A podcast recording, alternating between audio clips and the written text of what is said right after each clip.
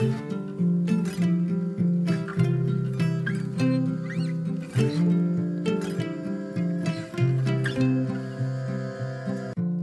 och välkommen till For Health med Anna Sparre. Idag pratar vi om jod, sköldkörteln, men också om jodets koppling till andra vanliga hälsobesvär och sjukdomar, inte minst cancer. Dessutom pratar vi om varför man får cystor i bröst och äggstockar. Och hur är det med jod och covid-19? Vi pratar om hur jod hjälper till att göra oss av med toxiner och om tillskott av jod, doser, former och hur du tar det. Det här är, på er lyssnares förfrågan, den helsvenska versionen av intervjun med Dr. Brownstein. Gillar du det här avsnittet så lyssna även på hela intervjun i avsnitt 284. Hos naturshoppen.se finns bland annat de former av jod och salt som rekommenderas i avsnittet och matbaserade tillskott för bland annat A, D och C-vitamin. Naturshoppen säljer enbart noggrant utvalda hälsokostprodukter utan onödiga tillsatser och av högsta kvalitet. Med koden SPARRE21 får du 10% rabatt på naturshoppen.se. Hos Nytoteket kan du bland annat köpa Real Broth som är benbuljong som torkats till pulver, kollagen, MCT-olja och andra nyttigheter. Allt är av absolut högsta kvalitet och helt utan onödiga tillsatser. Med koden SPARRE15 får du 15% rabatt på hela sortimentet på nyttoteket.se. Om du gillar avsnittet så är jag så tacksam om du vill dela med dig av det i en Facebookgrupp, på Instagram och till en vän. Och gå in och lämna en recension i iTunes. Jag finns på facebook.com forhealth.se och på Instagram som asparre. På forhealth.se böcker hittar du mina e-böcker. Och på For Health kan du även gå min distanskurs om du vill få grunderna kring kost, hälsa och viktnormalisering. Och så kan du boka mig som föreläsare, både online och på plats.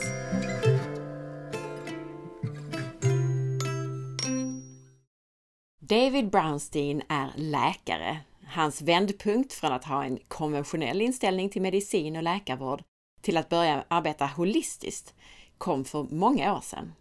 När han arbetat som läkare i sex månader insåg han att han inte hjälpte patienterna. Han gav dem bara läkemedel och sen mer läkemedel för att behandla biverkningarna från medicinerna.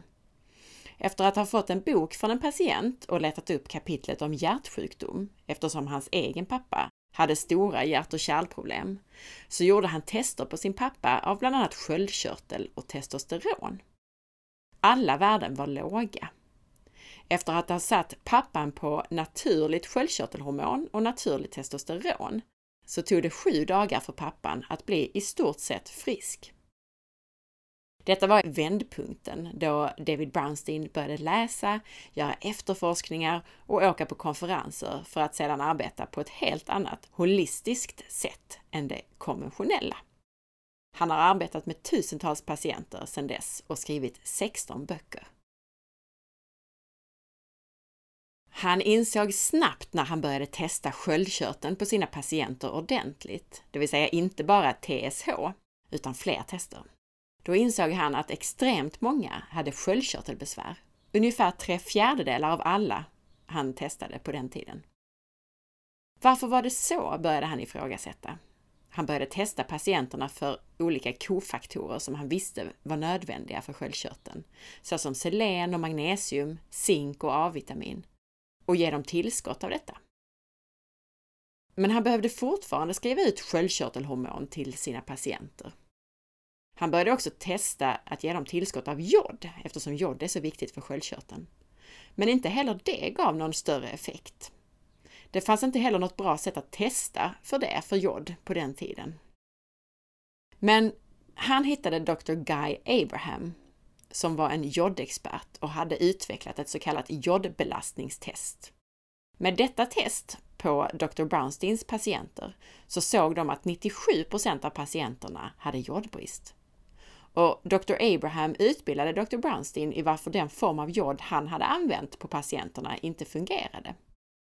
Så fort han bytte till att använda en kombination av både jod och jodid så såg han fantastiska resultat. Under de följande 20 åren gick han från tre fjärdedelar patienter på sköldkörtelhormon till mindre än en fjärdedel som behövde detta. Han kunde även sänka doserna i de som fortfarande behöver sköldkörtelhormon som medicinering. Och patienterna är friskare överlag nu när de får jod i rätt former. Dr Brownstein och kollegorna ser också att jodnivåer har sjunkit i befolkningen med över 50 procent de senaste 40 åren. Dr Brownstein har gjort forskning på jod tillsammans med Guy Abraham och han har skrivit artiklar, böcker och så vidare. Vad gör jod i kroppen? Jod är ett essentiellt näringsämne som vi inte kan leva utan. Det behövs för alla kroppens celler. Sköldkörteln har högst koncentration av jod eftersom den producerar sköldkörtelhormoner. Två viktiga sköldkörtelhormoner de kallas för T3 och T4, där 3 och 4 står för antalet jodatomer i hormonet. Vårt jodbehov har ökat, inte bara för att vår mat innehåller allt mindre jod, utan för att toxiner, gifter, från vår omgivning konkurrerar med jod i kroppen. Särskilt mycket jod behövs i våra endokrina körtlar, alltså hormonproducerande delar av kroppen. Förutom sköldkörteln så gäller detta bland annat äggstockar, bröst, prostata, livmoder, bukspottkörtel och spottkörtlarna. En viktig roll som jod har, det är att upprätthålla strukturen i körtlarna. Får man jodbrist i de här körtlarna så bildas cystor. Och fortgår jodbristen så blir cystorna hårda och bildar noduler, alltså hårda knölar. Fortgår det ännu längre så blir knölarna hypoplastiska, det vill säga ett förstadium till cancer.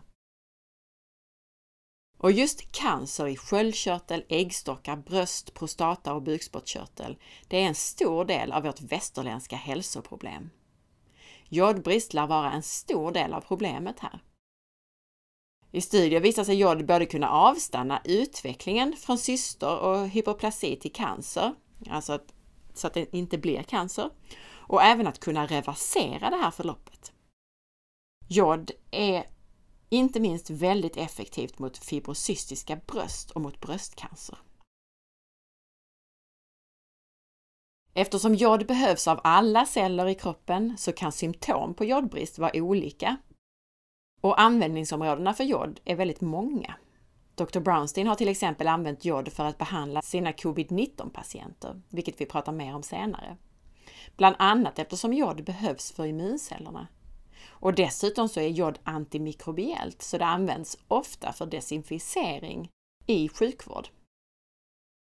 Så symptom på jodbrist kan vara sämre immunfunktion och högre infektionskänslighet. Det kan vara nedsatt sköldkörtelfunktion och besvär med andra körtlar.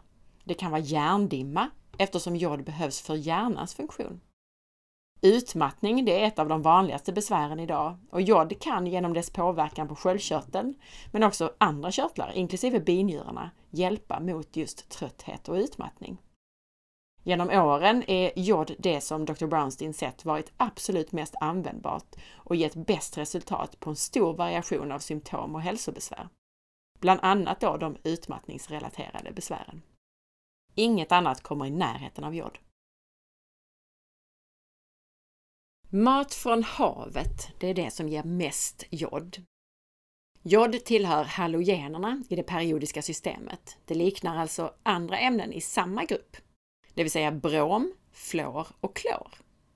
Medan jod och klor behövs i våra kroppar så är brom och fluor giftiga ämnen. Halogenerna har konkurrenshämmande egenskaper.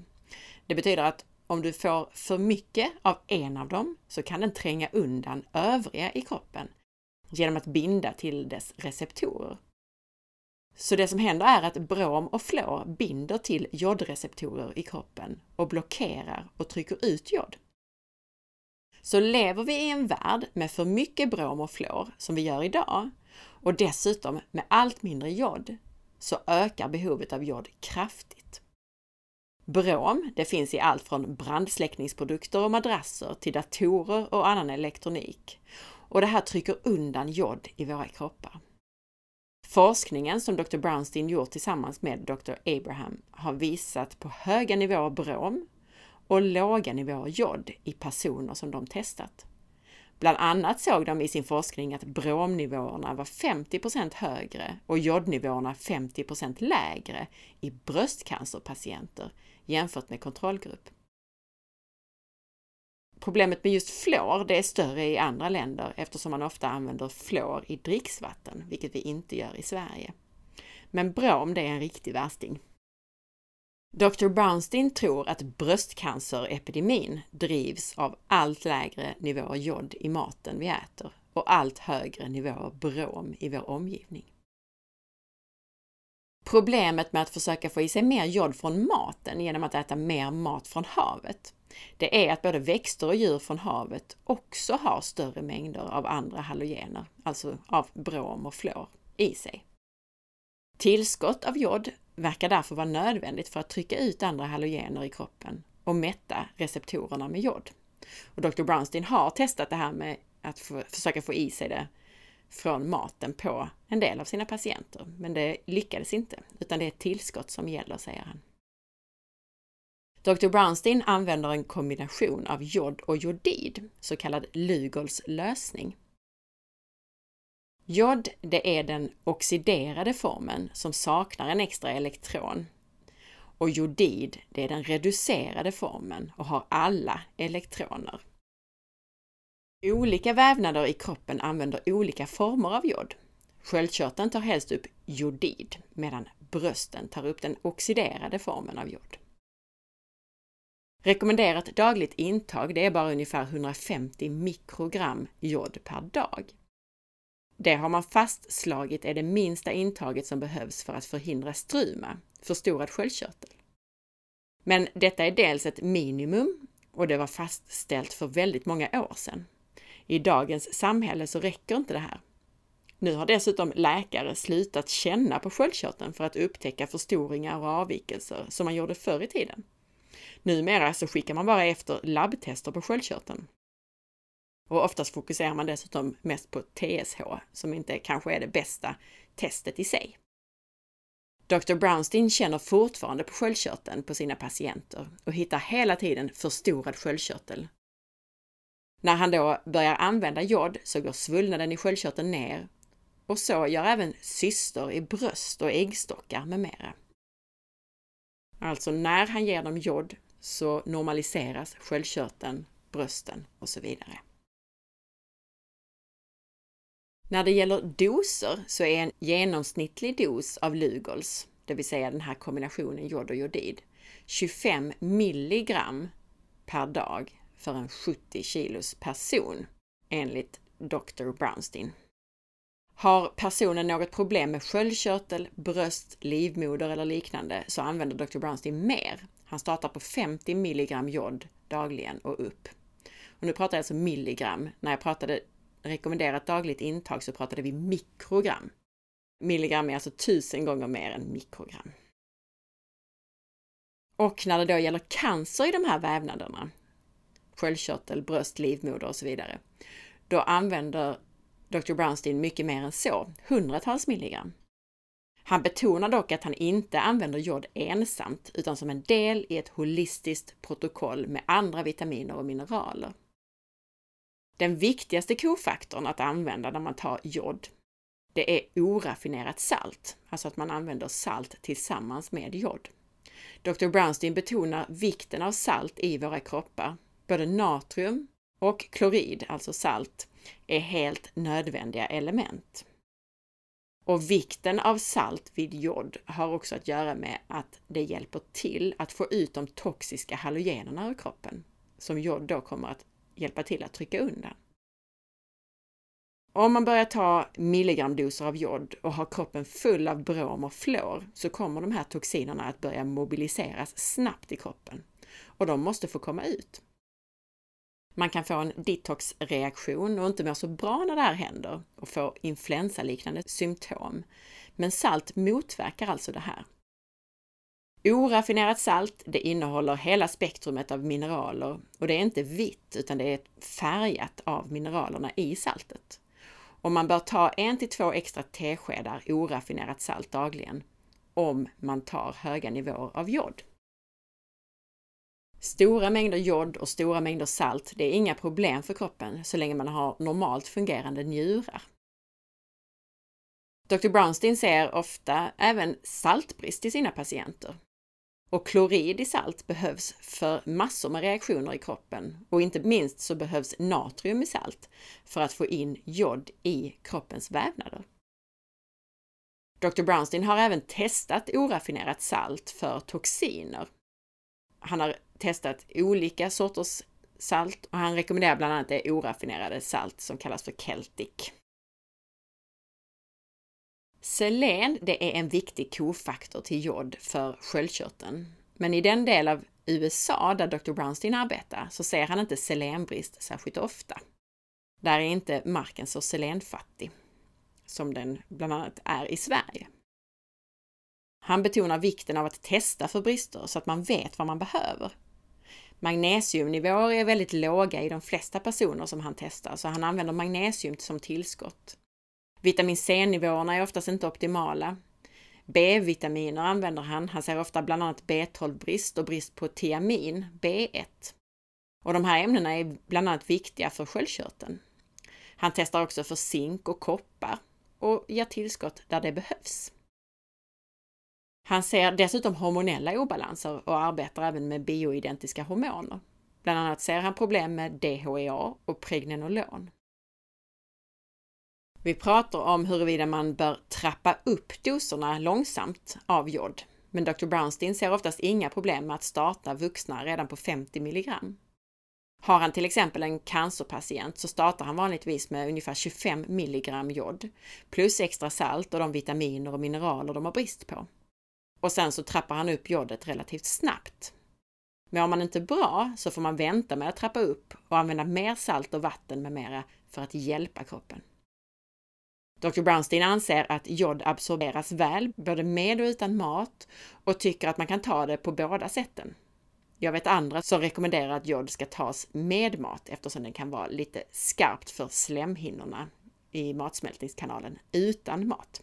Så då är det alltså bättre att ta med mat av den anledningen. Personligen tar Dr. Brownstein 75 mg jod per dag han har testat sig fram till sitt behov beroende på hans personliga hälsa. Han märker ingen positiv effekt med högre doser, men med lägre så märker han att hans energi sjunker. De flesta tolererar jodtillskott väl. Gör man inte det så kan man sluta med jod ett tag och öka sitt saltintag och därefter testa ta jod igen. Det finns kroppsegna antioxidanter som är beroende av jod. Delta-iodolactone är jodinerade lipider. Våra hormonkörtlar kan producera de här. Bröst och äggstockar producerar mycket och det är viktigt bland annat för bröstens arkitektur och mot cancerceller, bland annat genom att det stimulerar apoptos, programmerad celldöd. Men vi producerar bara delta iodolactone när jodnivåerna är tillräckligt höga i kroppen. Rekommenderat dagligt intag av jod är otillräckligt för att producera det här viktiga ämnet. Vi behöver ungefär 100 gånger så mycket, runt 12 milligram jod. Alltså mer i linje med de milligramdoser som Dr. Brownstein använder. Vi pratar sköldkörtelproblem, det pratas ofta om att man inte kan ta jodtillskott om man har en autoimmun sköldkörtelsjukdom som Hashimotos. Men det stämmer inte, varken om man tittar i litteraturen eller på patienter.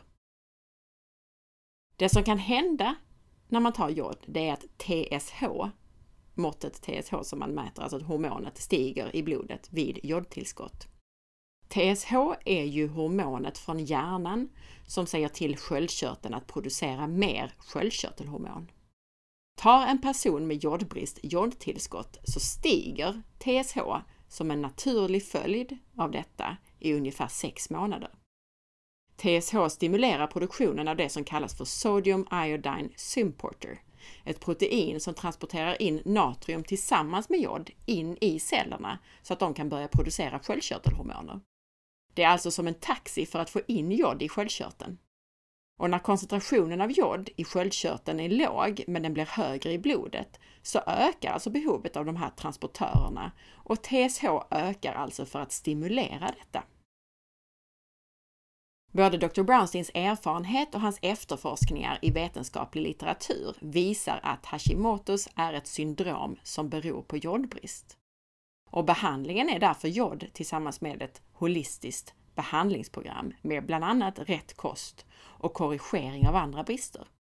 Han har behandlat hundratals så här och även hans kollegor ser samma sak. Hashimotos blir bättre med jodtillskott. Även för Graves sjukdom, alltså hypertyreos, överfunktion, bör jod användas. Dr. Brownstein och många läkare traditionellt använder jod framgångsrikt för att behandla Graves. Alla blir inte helt friska, men de blir inte dåliga av det.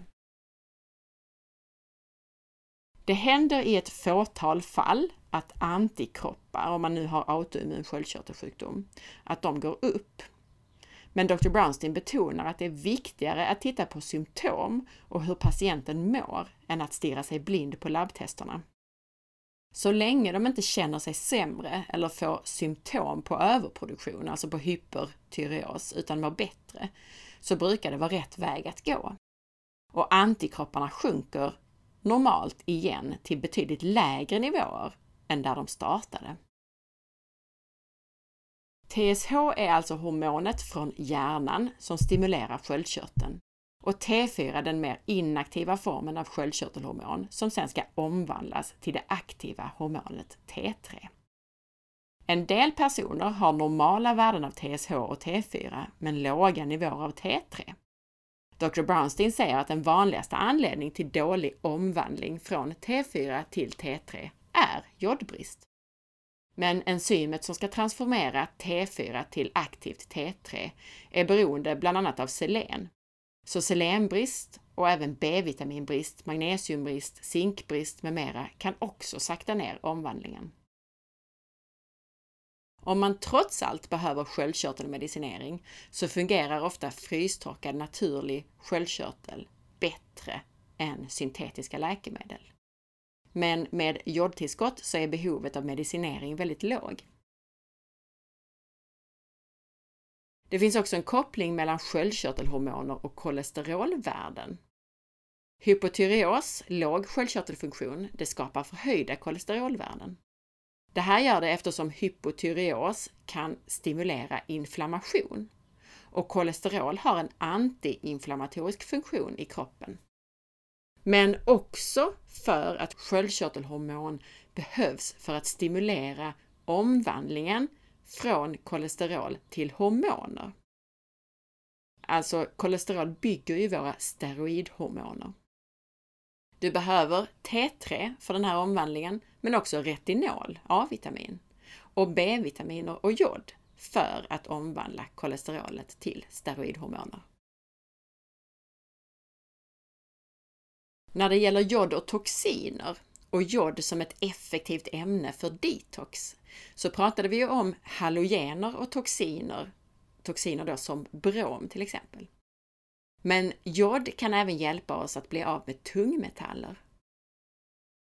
Det finns en effekt av jod som gör att det kan bidra till att metaller som kvicksilver och bly förflyttas.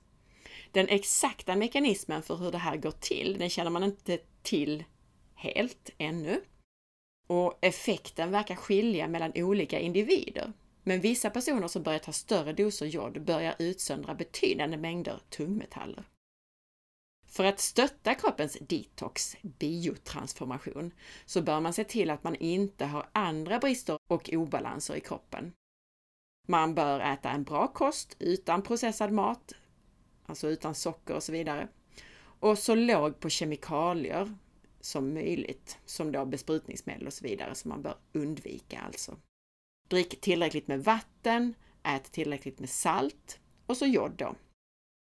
Och resten är individuellt beroende på våra personliga näringsbrister.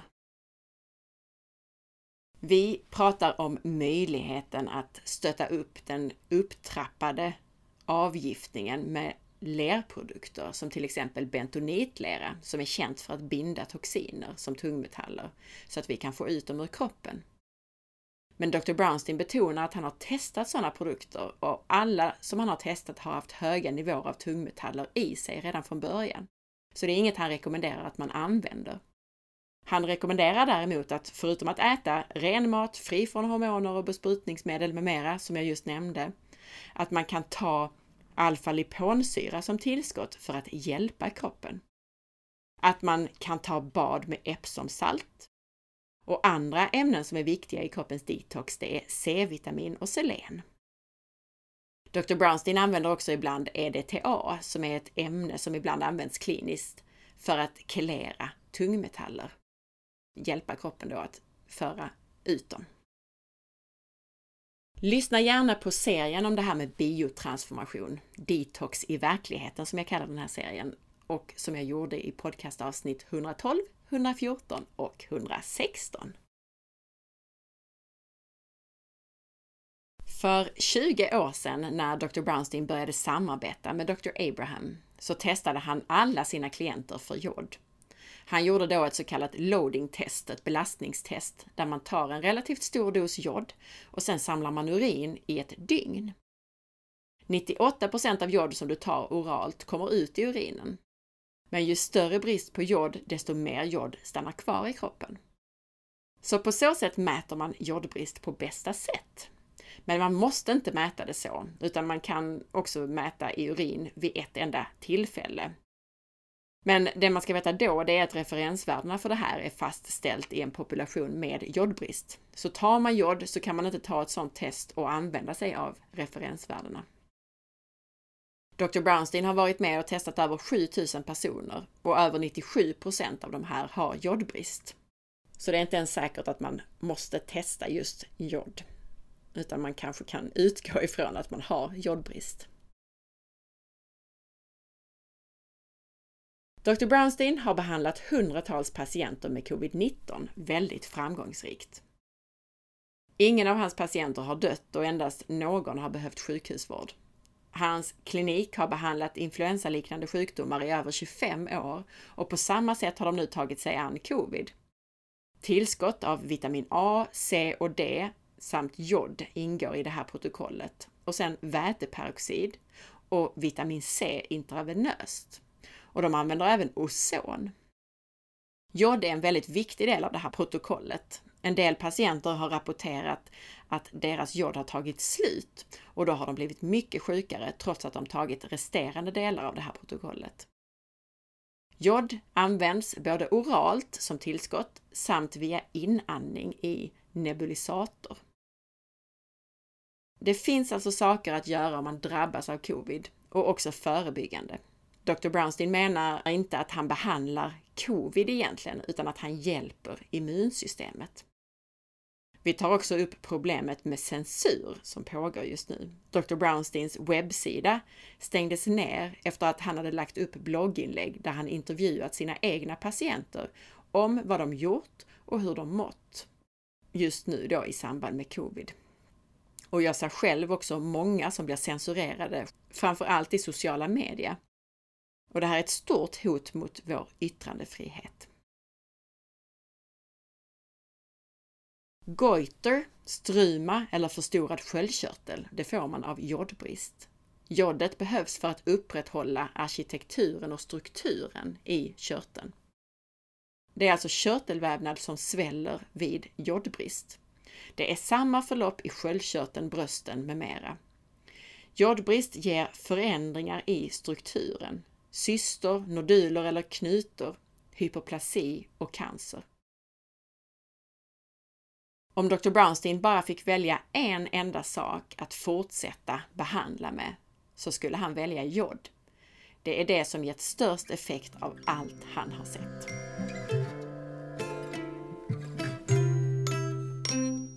Tack för att du lyssnade! Jag hoppas att du gillade avsnittet. Dela med dig av det så att fler får ta del av den här spännande informationen om hur kroppen fungerar. Veckans recension i iTunes är från Santosha Yoga som skriver Ger ut till allt och alla. Tack så jättemycket för bästa podden. Jag har som terapeut otrolig användning av din podd, Anna. Lämnar ut avsnitt till höger och vänster till de som kommer till mig på behandling. Du har gett mig orden på det jag försöker förmedla. Tack så mycket! Varma hälsningar Pernilla. Följ med på facebook.com forhealth.se där du kan hitta avsnittsinformationen till det här avsnittet som du kan dela och där du varje dag hittar länkar till nya hälsotips. Följ också mig på Instagram via signaturen asparre och titta in på bloggen på forhealth.se. Ha en fantastisk dag! Vi hörs snart igen. Hejdå!